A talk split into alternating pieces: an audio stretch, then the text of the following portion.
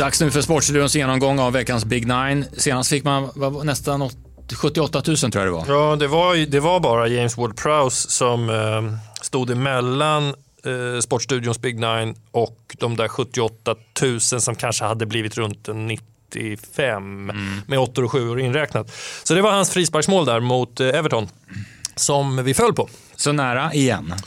Eh, precis. Mm. Eh, vi har ju två lag. Ett lag var inte särskilt nära. Det heter Sportstudion Chans. Vilket tycker du man ska välja om man ska välja ett? Jag hade valt chans. chans ja. Men, men mm. chans, eh, där märker jag ju att antingen är vi väldigt nära eller så kan vi liksom gå ut med sex rätt. Ja. Medan Sportstudions Big Nine ligger liksom lite stadigare. Mm på sjuor och kanske åttor och någon nia och sådär. Så att det stämmer ganska bra så att säga, med, med, att det heter chans det ena och att det andra bara heter Big Nine. Ja, jag tror det. Mm. Och mitt tänk kring framtiden är att det ska bli ännu mera chans ja. på chans. Det gillar jag. Ja, ja. Eh, fördelningen av matcher den här lördagen, väldigt lik förra veckan. Fem Premier League-matcher, två Serie A-matcher och två La Liga-matcher. Ja, och mycket bottenångest. Mm. Framförallt i Premier League. Eh, ska vi börja med match nummer ett? Mm. Det är Crystal Palace Newcastle. Ja, det är 18.30 matchen det. Eh, och där eh, vill man ju leva. Ja, när, den, när den börjar. Ja, det vill man. Eh, Newcastle, det är inte botten, det är tvärtom, det är toppen. De har ju bara förlorat en match, det vet ni, på 19, alltså halva säsongen spelad. Nu mm. går vi in i halva nummer två. Eh, Kieran Trippier ska jag lyfta fram, för han är den spelare i Premier League bakom Kevin De Bruyne som skapar flest målchanser. Och då antar jag att det är väldigt mycket fasta situationer och inlägg som man eh, räknar in så att han får den positionen. Men ändå, en spelare framför sig det är bra betyg för den ytterbacken. Och sen vet ni väl att Newcastle har, vad heter det, fyrtorn mm. i backlinjen. Ja, det, är det, det, är Sven Båtman, 1,93.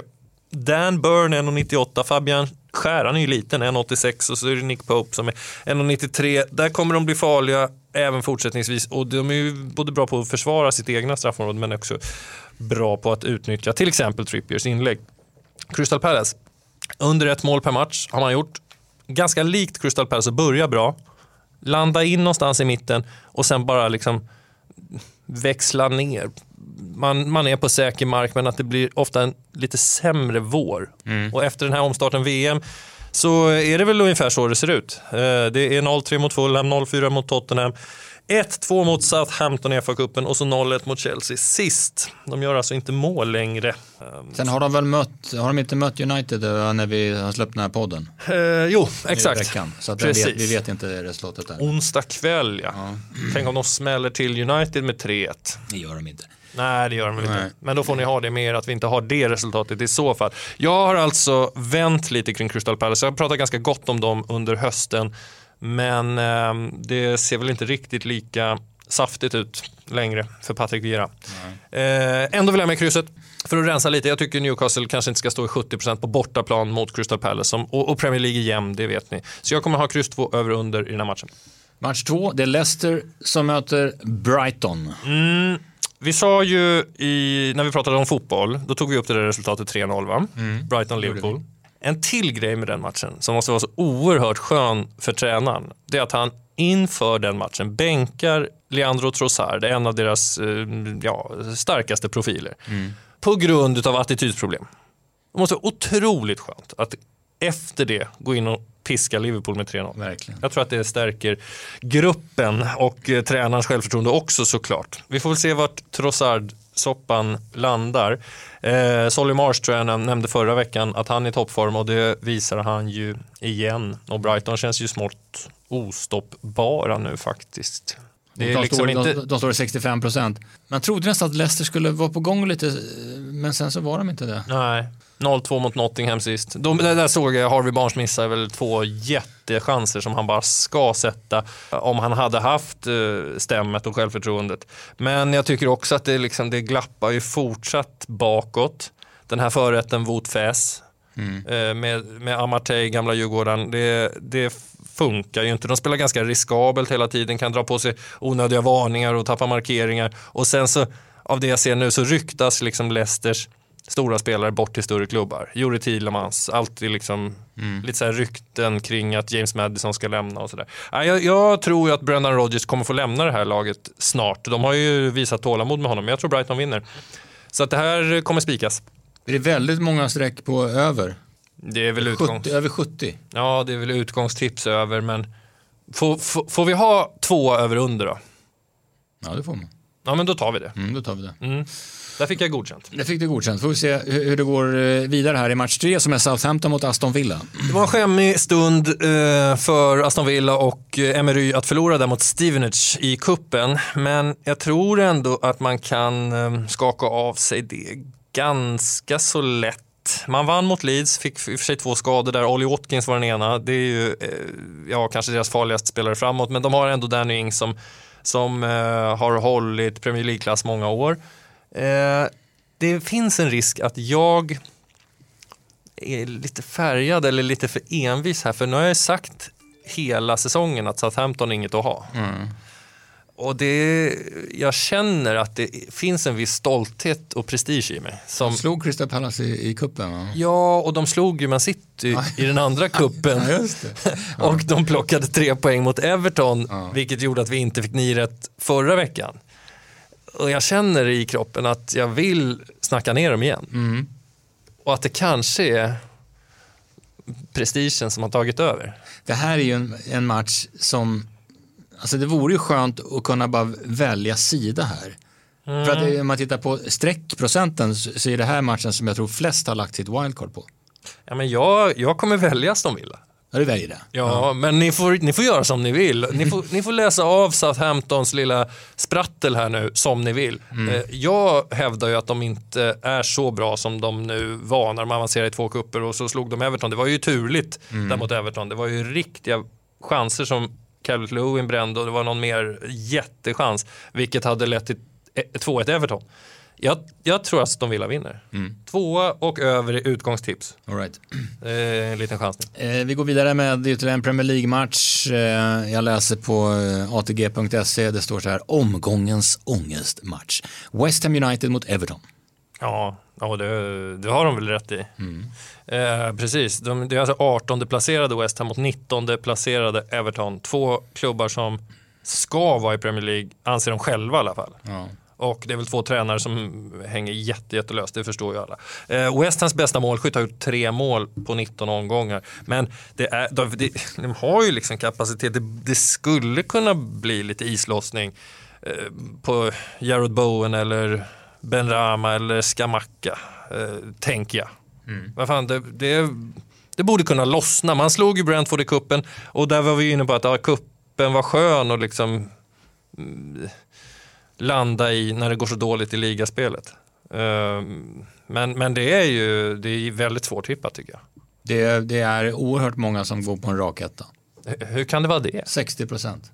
Det är för många alltså. 15 procent som spelar Everton. Ja, nej men jag tycker det är alldeles för mycket. Hur kan man, hur kan man stå och luta sig mot West Ham nu som, som gång efter gång visar att de liksom inte kommer upp i, i nivå och, och eh, alltså Everton gör ju inte heller det men äh, tycker det finns hyfsad kvalitet i det laget också, i alla fall på några platser. Men är det wildcard-feeling eller är det... Mm, Ja, det kanske. eller alltså att annars så måste vi annars måste vi nöja oss med ett kryss eller gå för kryss två.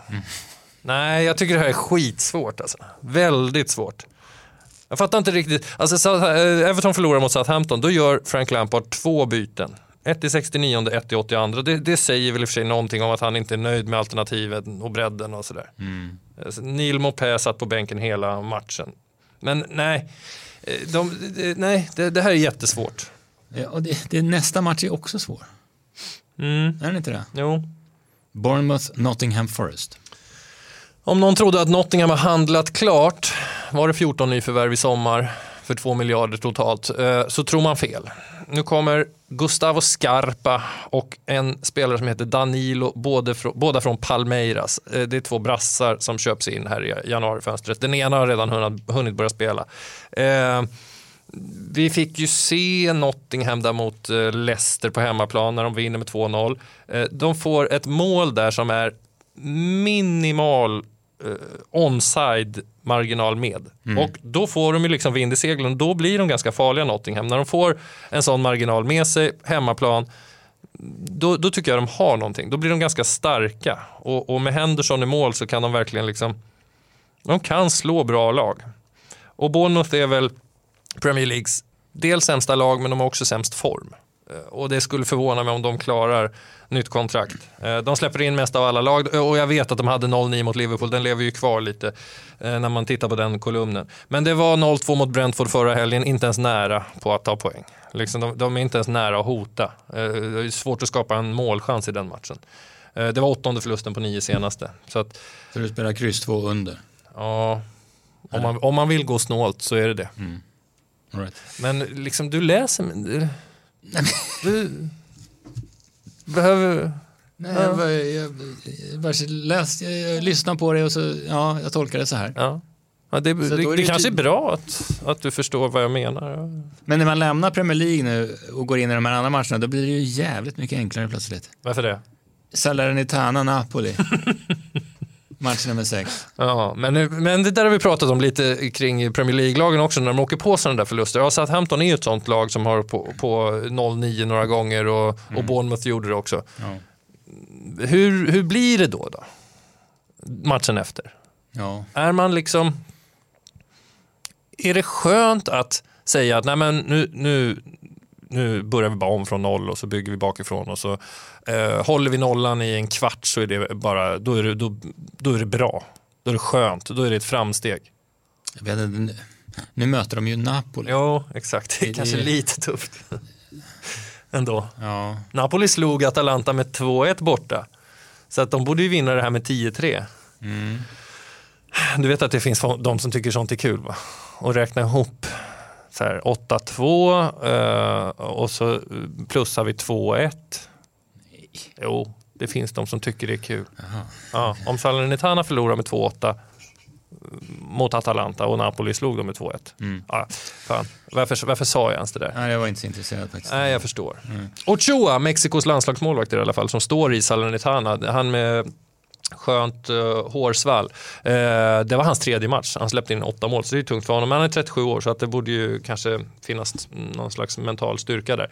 Ehm, och Napoli, det här tror jag fan inte ens du vet om. De lyckades åka ur kuppen mot Cremonese i veckan. Ja, Ja. Aha. På straffar. Alltså efter den här 8-2-segern. vad konstigt. Vad konstigt. Nej, men det låter ju jättekonstigt. Ja, men det är fotbollen är konstig. Nej, det måste vara något.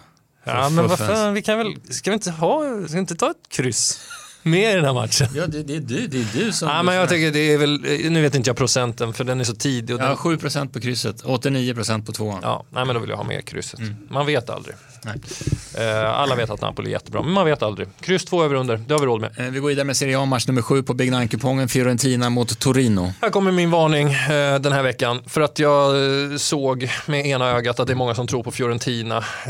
De här lagen är helt jämna i tabellen. De står på samma poäng och samma resultatrad.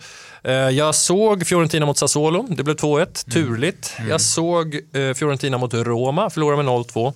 Tidig utvisning där, slarvigt. Men de har dessutom lite skador. Och Torino är ju en, eh, som en envis terrier som biter sig kvar i matcherna. Så att jag, det här måste vi gardera. Eh, jag vill ha ett kryss två under som utgångstips. Om vi har råd så helgarderar vi. Eller så är vi helgalna och spelar kryss två bara för att liksom Ja, göra ett spetsigt system. Det var många varianter. Ja, det är många varianter.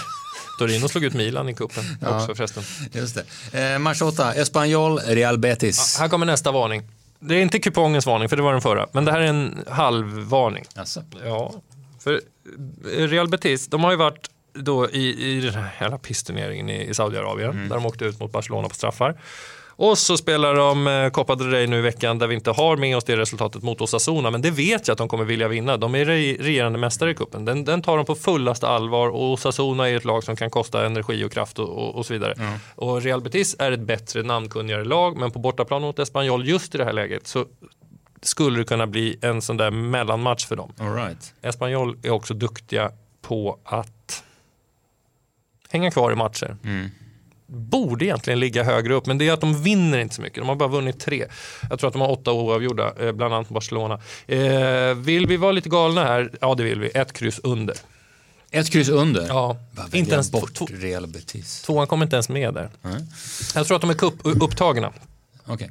Eh, den sista matchen det är Atletico Madrid mot eh, Valladolid. Jag räknar ut att vi har tre tecken kvar här, ehm, om vi ska ha råd. Ja. Ehm, och eh, Atletico föll, som du var inne på i duellen, mot Almeria. Nej, föll gjorde de inte, men de tappade två poäng. ja.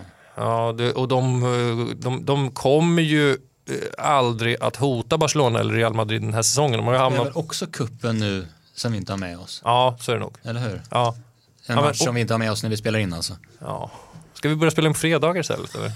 Kanske. Ja. Ja. Ja, De, de är för långt bak för att hota om ligatiteln, så som de har gjort eh, många andra säsonger. Men de kan tappa ganska många poäng i La Liga tror jag och ändå lyckas nypa fjärdeplatsen. Eh, Atletico Madrid. Nu har de lite avstängningar, Stefan Savic i backlinjen och Reguljon. Sergio Reguljon, han var ju i Tottenham förra säsongen, utlånad. Nu är han i Atletico, men båda de är avstängda. Det är ju, ja du förstår ju, procent. Ja, det, de är tokfavoriter Ja, tokfavoriter, Atletico. Valladolid, de har tagit eh, poäng mot eh, ja, Sevilla, Real Betis och vunnit mot Real Sociedad tror jag. Det är liksom skalperna för året. Sen är ju de ett lag som kommer, de, de slåss för att, att stanna kvar. Eh, jag såg dem faktiskt mot Real Madrid i omstarten, då höll de 0-0 i 83 minuter. Sen föll de. Vad ska vi ta? Tre, tre tecken. Antingen tar vi ett kryss under eller så tar vi etta över under. Etta över och under. Egentligen tycker jag inte, det är det som jag tycker är klar etta. Men det är märkligt alltså. Det här är La Liga och Atletico Madrid som spelar på hemmaplan och över 2,5 har 62 procent. Ja men det kommer ju, det måste ju justeras sen när fler system kommer in. Det, det är ju otroligt konstigt. Ja, nej, men de, de som lämnar in det där tidigt nu här, Ja. det, det är ju, de är ju påverkade. Nötter. Jag tror det, något av dem. Ja, ja. Eh, etta över då. Vi säger det på den sista. Ja, du fick bestämma. Okej, det blir en spik också. Ja. Mm, bra, då, då är vi klara. Vad kan du säga om trycket på våra Big Nine-andelar nu när vi nu är inledningen av 2023? Eh, nej, men det är som vanligt sådär att eh, till exempel om vi tar Sportstudion Chans. Eh, går man eh, tillbaka några veckor och inser att ah, men det här har inte varit vinnande nu på ett tag. Nej. Då minskar ju trycket. Mm. Så fort man sätter nian, då ökar ju trycket Ja, det är nästa vecka. märkligt beteende också, eh, får man säga. Är det Eh, någonting vi tycker är liksom logiskt? det är spelstopp Big Nine lördagar klockan 16 Ja, det var bra. och andelarna kommer så småningom ut till, i offentlighetens ljus. Ja, jag är dålig på att aktivera. kan man säga.